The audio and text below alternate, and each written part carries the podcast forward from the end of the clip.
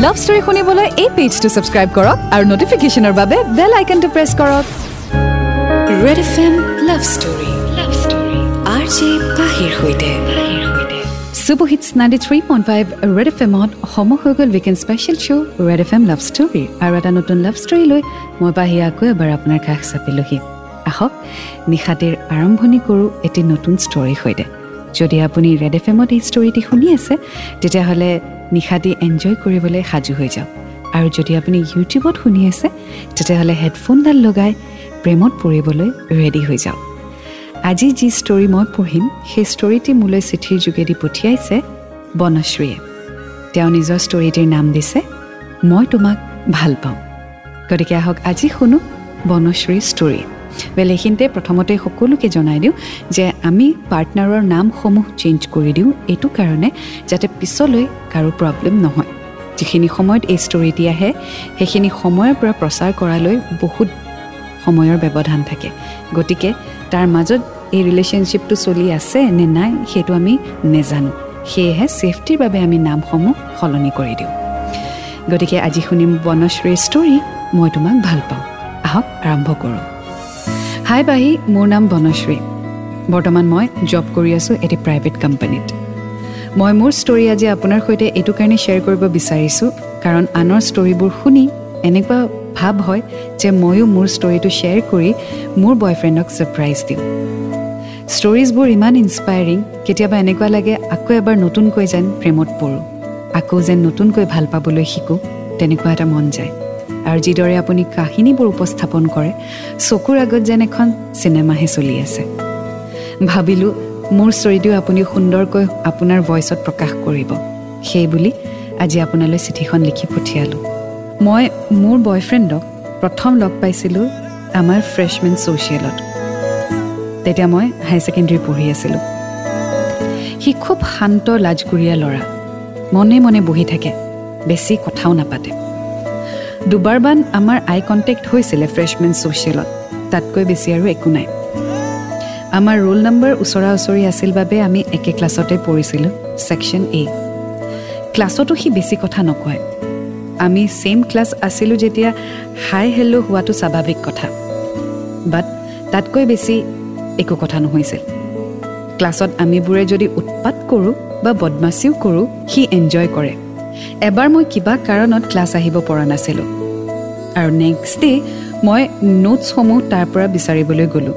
কাৰণ মই জানিছিলোঁ যে অন্য কোনোবাই নোটছ নোট ডাউন কৰক নকৰক সি কৰিবই। আৰু নোটছখিনি বিচাৰিয়ে মই তাক এপ্ৰ'চ কৰিলোঁ। অংকুৰ! এই কালিৰ নোটছ দিবা নেকি মোক? আজি লৈ যাম মই কাইলৈ ঘূৰাই দিম লিখি পেলাই। অঁ ঠিক আছে। কোনটো ছাবজেক্টৰ লাগিব? যিটো যিটো ছাবজেক্টৰ নোটছ লিখাইছে কালি গোটেইখিনি। ঠিক আছে ঠিক আছে। মুখলৈ নোচোৱা কিয়? ইমান কিয় লাজ কৰা? তেনেকুৱা তুমি কালি নাই অহা ন? নাই অহাৰ কাৰণেতো নোটছ খুজিছোঁ। দিয়া। এইকেইখন লোৱা তিনিখন। অঁ কালিয়ে গোটেইকেইখন নিদিওঁ হা এখন এখনকৈ ঘূৰাই দিম। প্ৰব্লেম নাইতো। নাই তুমি খালি ক্লাছত লৈ আনিলে হ'ল। বাকী ভাল? ভাল।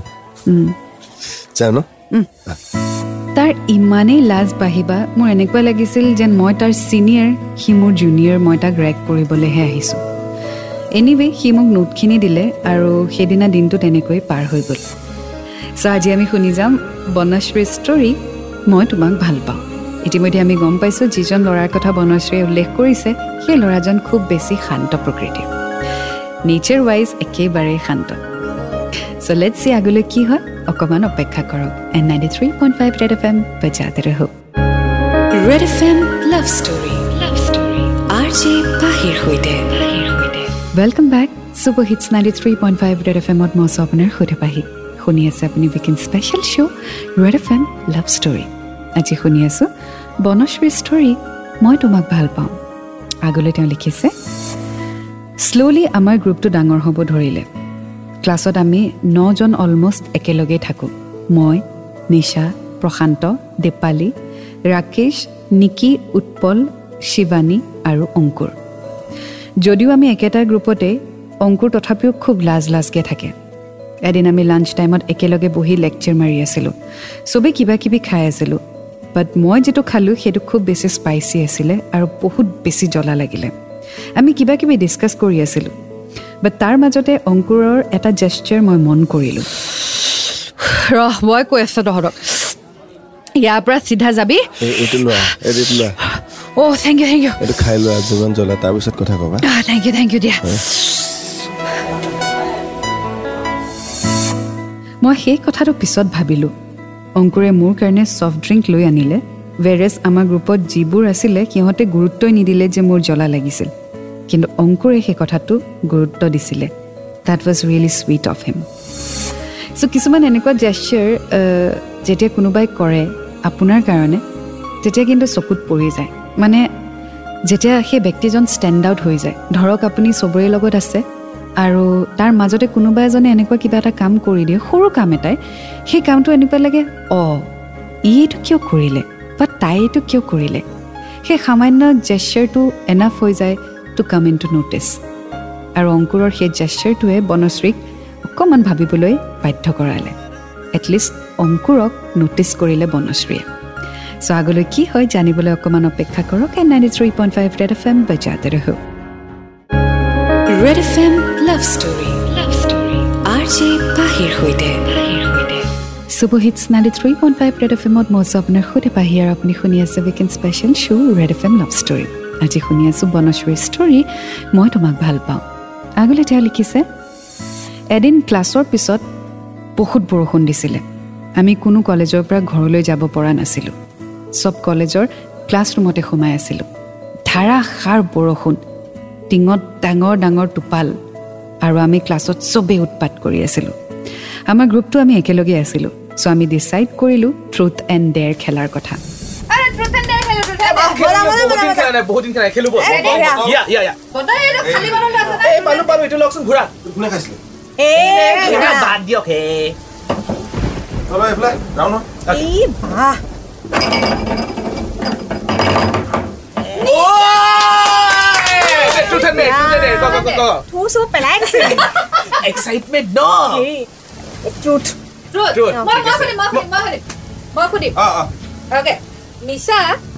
তোৰ আমাৰ কলেজৰ টিচাৰ কাৰ ওপৰত ক্ৰাছ আছে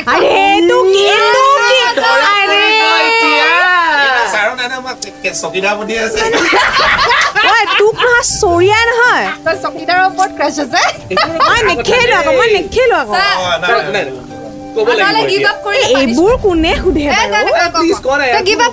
Oh, সঞ্জীৱ ছাৰ! হ'ল। হ'ল হ'ল এতিয়া ঘূৰা ঘূৰা হ'ল অ, সেইকাৰণে science ল'ম বুলি ভাবিছ নেকি? হ'ব। সঞ্জীৱ দা সঞ্জীৱ দা এইটো। ঘূৰা মাই গড ঘূৰা এইটো ঘূৰা ঘূৰা ঘূৰা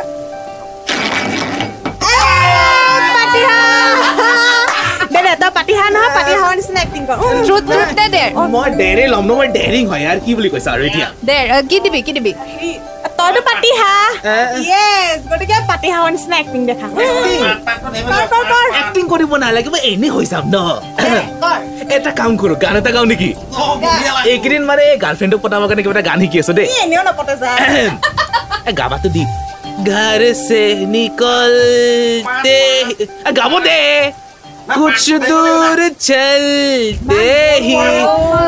গলে- এ গাব নালাগে well truth and dare is a very dangerous game যদি আপুনি খেলিছে আৰু যদি চিৰিয়াছলি খেলিছে তেতিয়াহ'লে এইটো কিন্তু বৰ সাংঘাতিক গেম এটা আৰু যদি আপুনি এই খেলটোৰ বিষয়ে নেজানে তেতিয়াহ'লে আপোনাক জনাই দিওঁ যে খালী বটল এটা স্পিন কৰিলে ঘূৰালে বটলটো ৰৈ বটলৰ মুখাটো যাৰ পিনে পৰিব সেই মানুহজনক বা মানুহজনীক অপশ্যন এটা দিয়া যায় ট্ৰুথ নে ডেৰ আৰু যদি তেওঁ ট্ৰুথ বুলি কয় মানে সঁচা বা সত্য তেতিয়াহ'লে তেওঁক যি প্ৰশ্ন সোধা যায় তেওঁ সঁচা কথা ক'ব লাগিব। আৰু যদি তেওঁ ডেৰ বা কাৰ্যটো পিক আপ কৰে তেতিয়াহ'লে তেওঁক এনেকুৱা এটা কাম কৰিবলৈ দিয়া হয় যিটো ডেৰিং মানে তেওঁ হয়তো কেতিয়াও কৰা নাই আৰু সেইটো কৰিবলৈ বিৰাট সাহসৰ প্ৰয়োজন। চ' এই ট্ৰুথ এণ্ড ডেৰ গেমে কিন্তু বহুত ৰিলেশ্যনশ্বিপ গঢ়িছে আৰু ভাঙিছেও। পিছে আমিও খেলিছিলোঁ। আপুনি খেলিছিলেনে জনাবচোন কমেণ্ট ছেকশ্যনত এনিৱে আগলৈ কি হয় শুনি থাকক। On ninety three point five red F M বেজাতে ৰহক red F M love story love story R J পাহিৰ সৈতে। Super hits ninety three point five red F এমত মই আছোঁ আপোনাৰ সৈতে পাহি আৰু আপুনি শুনি আছে weekend special show' red F M love story আজি আমি শুনি আছোঁ বনশ্ৰী ষ্টৰী মই তোমাক ভাল পাওঁ। আগলৈ তেওঁ লিখিছে এনেকৈ খেলি থাকোঁতে হঠাৎ বটল পৰিলে অংকুৰৰ পিনে আৰু মই তাক দিলোঁ ডেৰ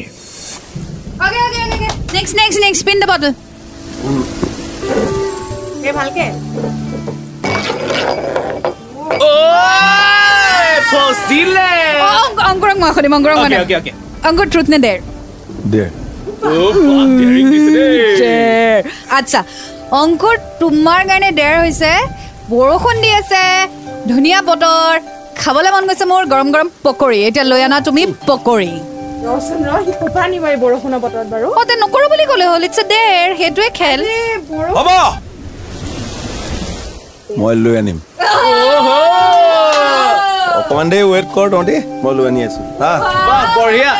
ব্ৰাছ ৰেডি থাক।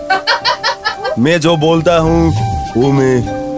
मैं ও, বাহ, তালি হৈ যায়, তালি, Bye, bye. তালি, তালি। লগতে আৰে অল দ্য মেছেজ দে আকৌ ভাই চাহো আনিবি চাহ হ'ব হ'ব অ'কে বাই অংকুৰ ক্লাছৰুমৰ পৰা ওলাই গ'ল আমি জানো যে সি আৰু চাগে ঘূৰি নাহে ক্লাছৰুমলৈ ডিৰেক্ট ঘৰ যাব চ' আমি গেম কণ্টিনিউ কৰিলোঁ তাৰ অবিহনে পোন্ধৰ মিনিটমান পিছত দেখিলোঁ অংকুৰ সঁচাকৈ নিউজ পেপাৰ এখনত গৰম গৰম পকৰি লৈ আহিছে আমি চব শ্বকড ট্ৰুথ এণ্ড ডেৰ ক'ৰবাতেই গ'ল। আমি চব পকৰি খাবলৈ ধৰিলোঁ। চ' অংকুৰক যিটো ডেৰ দিলে তাকো বৰষুণৰ বতৰত বেচেৰা সি ক'ৰ পৰা জানো পকৰি লৈ আহিলে সেইটোহে ডাঙৰ কথা হয়নে? আই মিন ইমান বৰষুণত সৰু দোকান এখন খোলা থকাটো ডাঙৰ কথা। চ' এই কথাটো বাৰু উল্লেখ কৰে নে নকৰে চিঠিখনত যে অংকুৰে পকৰি ক'ৰ পৰা আনিলে সেয়া আমি অলপমান পিছতেই গম পাম। So' you guys stay tuned on ninety three point five F M বাচ্চাতে ৰহো। Red F M love story love story R J পাহিৰ সৈতে। Super hits ninety three point five red F এমত মই আপোনাৰ সৈতে পাহি আৰু আপুনি শুনি আছে weekend special show' red F M love story আজি শুনি আছোঁ বনশ্ৰীৰ ষ্টৰী মই তোমাক ভাল পাওঁ। আগলৈ তেওঁ লিখিছে সেইদিনা ৰাতি মই অংকুৰলৈ ফোন কৰিলোঁ। ৰ'বাচোন তুমি ফটো আমি বাদ দিয়া। তুমি ক'ৰ পৰা পকৰি আনিলা? মোক সেইটো কোৱাচোন। ইমান বৰষুণত পকৰি ক'ৰ পৰা আনিলা আৰে সঁচাকে কৈছো। মই আমাৰ কেণ্টিনৰ ৰাজুদা। ৰাজুদা দোকান খোলোৱাই উঠোৱাই বৌকো ৰিকুৱেষ্ট কৰিলোঁ। বৌৰ ভিতৰৰ পৰা এইবোৰ কাটি মেলি দিলে পটাপট বোলো বনাই দিয়ক। দুটকামান বেছি ল'লে বাট বনাই দিলে। বা তুমিতো কম বস্তু নহয়। মানে ইমানে ডেৰিংটো লৈ ল'লানে? মোক চেলেঞ্জ নিদিবা। মই বিৰাট কমিটেড মানুহ। যিটো কৰিম বুলি কওঁ কৰি দিওঁ তুমি অংকুৰে হয়নে? ৰ'বাচোন ক্লাছততো তুমি চকু তুলি নোচোৱা। নেদেখিলে অকণ কথা পাতিব পাৰোঁ। মুখৰ আগত কথা পাতিব লাজ লাগে।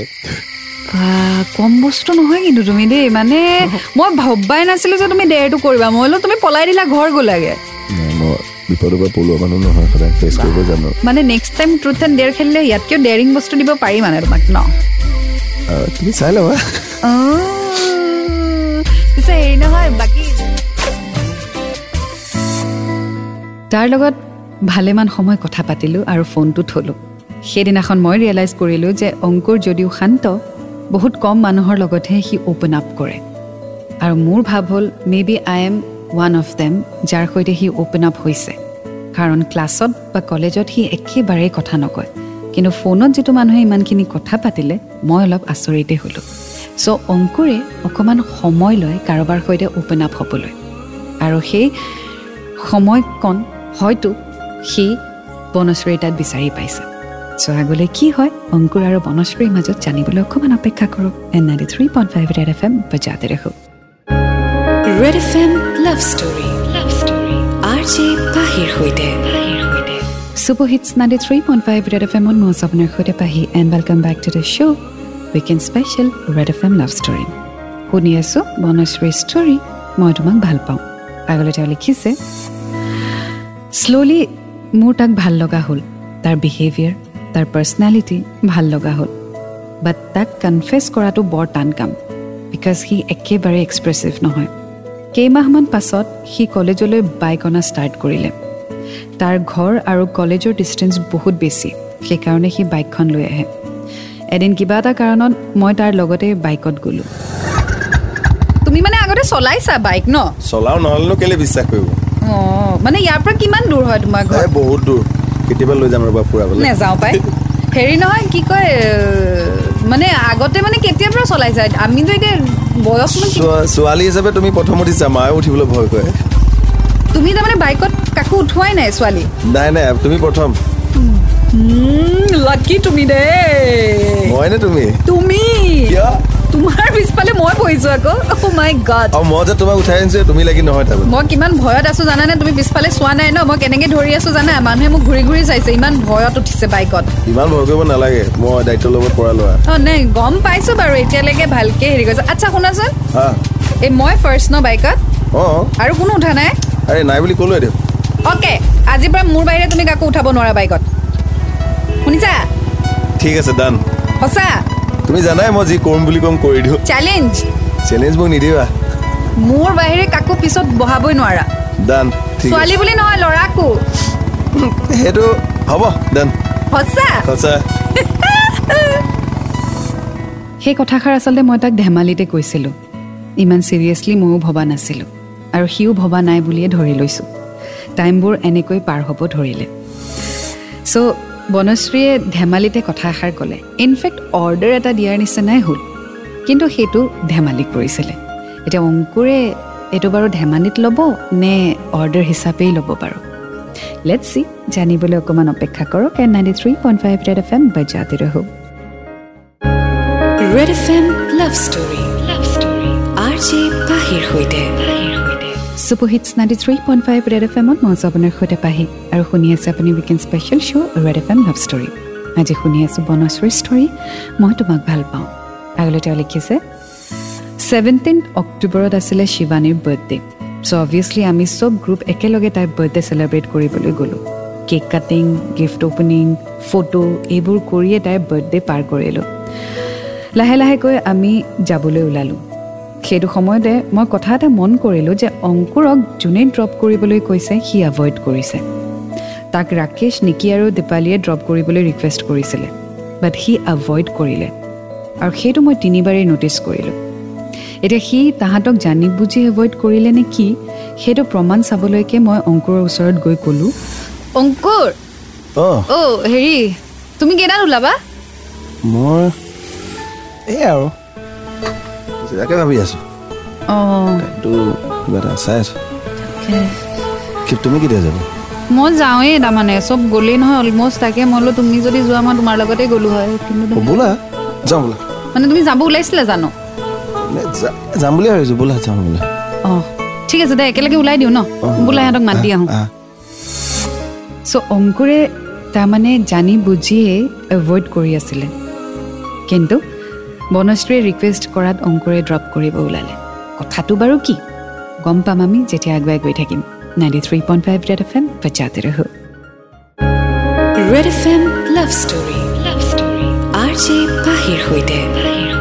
welcome back super hits ninety three point five red F এমত মই আছোঁ আপোনাৰ সৈতে পাহি। শুনি আছে আপুনি weekend special show' red F M love story শুনি আছোঁ বনশ্ৰীৰ ষ্টৰী মই তোমাক ভাল পাওঁ। আগলৈ তেওঁ লিখিছে মই আৰু অংকুৰ বাইকত গৈ আছোঁ।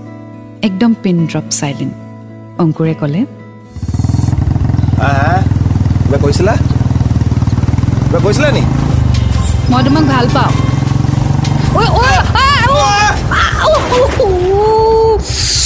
দুখ পালা নি? দুখ পালা নি? কি দুখ পালা নেকি? দুখ নাপাম নেকি কিবা নহয়, মই? তুমি কি কৈছিলা কি কৈছিলা? কি? কিবা এটা কৈছিলা যে দুখ কি? পাইছো মই। এ, ক'তা ইমান দুখ পোৱা নাই একো লগাই নাই। এইখিনি। পেলালে পেলা একো হোৱা নাই এনে কৈছা তুমি। ইমানকণ দুখ সৰুতে পায়ে থাকোঁ আমি পঢ়ি থাকোঁ। কি কৈছিলা? কোৱা নাই কোৱা নাই কোৱা নাই তুমি বলিয়া নেকি? তুমি মোক বাইকৰ পৰা পেলাই পেলাই এতিয়া সুধিব আহিছা কি একো কৈ হোৱা আছা? নাই ন। নাই হোৱা একো। এয়া দুখ পাইছো মই চোৱা এয়া চাৰ্ট ফাটিতে মোৰ। চাৰ্টটো অকণ ফাটিলে? নতুন চাৰ্ট কেলে পিন্ধি? কি কৈছিলা? কোৱা কোৱা কি ল'ৰা ভাই আচৰিত তুমি। মোৰ প্ৰেমত পৰিলা ন? তুমি মোক বাইকৰ পৰা পেলালা। না। এই মই তোমাৰ মোৰ পেলালো কি গা আছে নো? মোৰো তোমাৰ প্ৰেমত পেলালো সেইকাৰণে পেলালো। তুমি বলিয়া হৈছা তুমি মোক বাইকৰ পৰা পেলালা। ভাগ্য ভাল এইখিনি ঘাঁহ আছিলে বুলিহে মোৰ পেনোৱা দিলে মোৰ ড্ৰেছটো লেতেৰা হ'ল একো নহয়, মোৰ বেগটো। বেয়া হ'ল। ই, কোৱা না। মই- তোমাক ভাল পাওঁ বুলি কৈছিলো। এতিয়া মুঠেও ভাল নাপাওঁ মই তোমাক। উঠোৱা বাইকখন উঠোৱা মোৰ ঘৰত থৈ আহা। ঘৰত থমগো বাৰু। বেগ এৰা। বাইক উঠোৱা। বাইক উঠা। চ' ষ্টৰিটোৰ নাম মই তোমাক ভাল পাওঁ। এইটো কাৰণেই দিলে কাৰণ বনশ্ৰীয়ে প্ৰপ'জ কৰিলে। And that was so' so' sweet well কেতিয়াবা এনেকুৱা হয় যিবোৰ মানুহ এক্সপ্ৰেছিভ নহয় তেওঁৰ মুখৰ পৰা কথাবোৰ উলিয়াবলৈ বৰ দিগদাৰী। চ' অপজিট পাৰ্টনাৰে ডেফিনেটলি কথাখিনি ক'ব লাগিব। বাট ফাইনেলি অংকুৰ আৰু বনশ্ৰীৰ ৰিলেশ্যনশ্বিপ গঢ়ি উঠিলে। So' let's wish them a very very successful love life ahead thank you so' much Banashree আৰু অংকুৰ। তোমালোকৰ প্ৰেম কাহিনী আমাৰ সৈতে শ্বেয়াৰ কৰিলা। খুব সুন্দৰ এটি ষ্টৰী শ্বেয়াৰ কৰিলা। And I wish you all the happiness in life এয়া আছিলে বনশ্ৰী আৰু অংকুৰৰ ষ্টৰী মই তোমাক ভাল পাওঁ। আপুনিও আপোনাৰ ষ্টৰিসমূহ আমাৰ সৈতে শ্বেয়াৰ কৰিবলৈ নাপাহৰিব। চিঠিৰ যোগেদি পঠিয়াব ঠিকনাটি ফেচবুক আৰু ইনষ্টাগ্ৰামত পাব। আৰু আপুনি আপোনাৰ বয়স ওঠৰ বছৰতকৈ যদি বেছি তেতিয়াহ'লে ষ্টৰিটি লিখিব। কোনো ধৰণৰ যাতে ভায়লেঞ্চ নাথাকে সেইটো মন কৰিব। আৰু যদি থাকেও সেইখিনি যাতে উল্লেখ নকৰে। আৰু লগতে ছ'চিয়েলি যাতে একচেপ্টেবল ষ্টৰি হয় সেইটো মন কৰিব। আৰু প্ৰথমতেই কৈছিলোঁ শেষতো কওঁ পাৰ্টনাৰৰ নামসমূহ চেঞ্জ কৰি দিওঁ যাতে কাৰো প্ৰব্লেম নহয় ভৱিষ্যতে। চ' আই হোপ আপুনি এনজয় কৰিলে আজিৰ ষ্টৰী এটা নতুন ষ্টৰীৰ সৈতে আকৌ লগ পাম until then to fall in love it's a great feeling you will get to learn a lot and always remember I love you ninety three point five Red F M বজাতে ৰহো नौ तीन dot पाँच बजाते रहो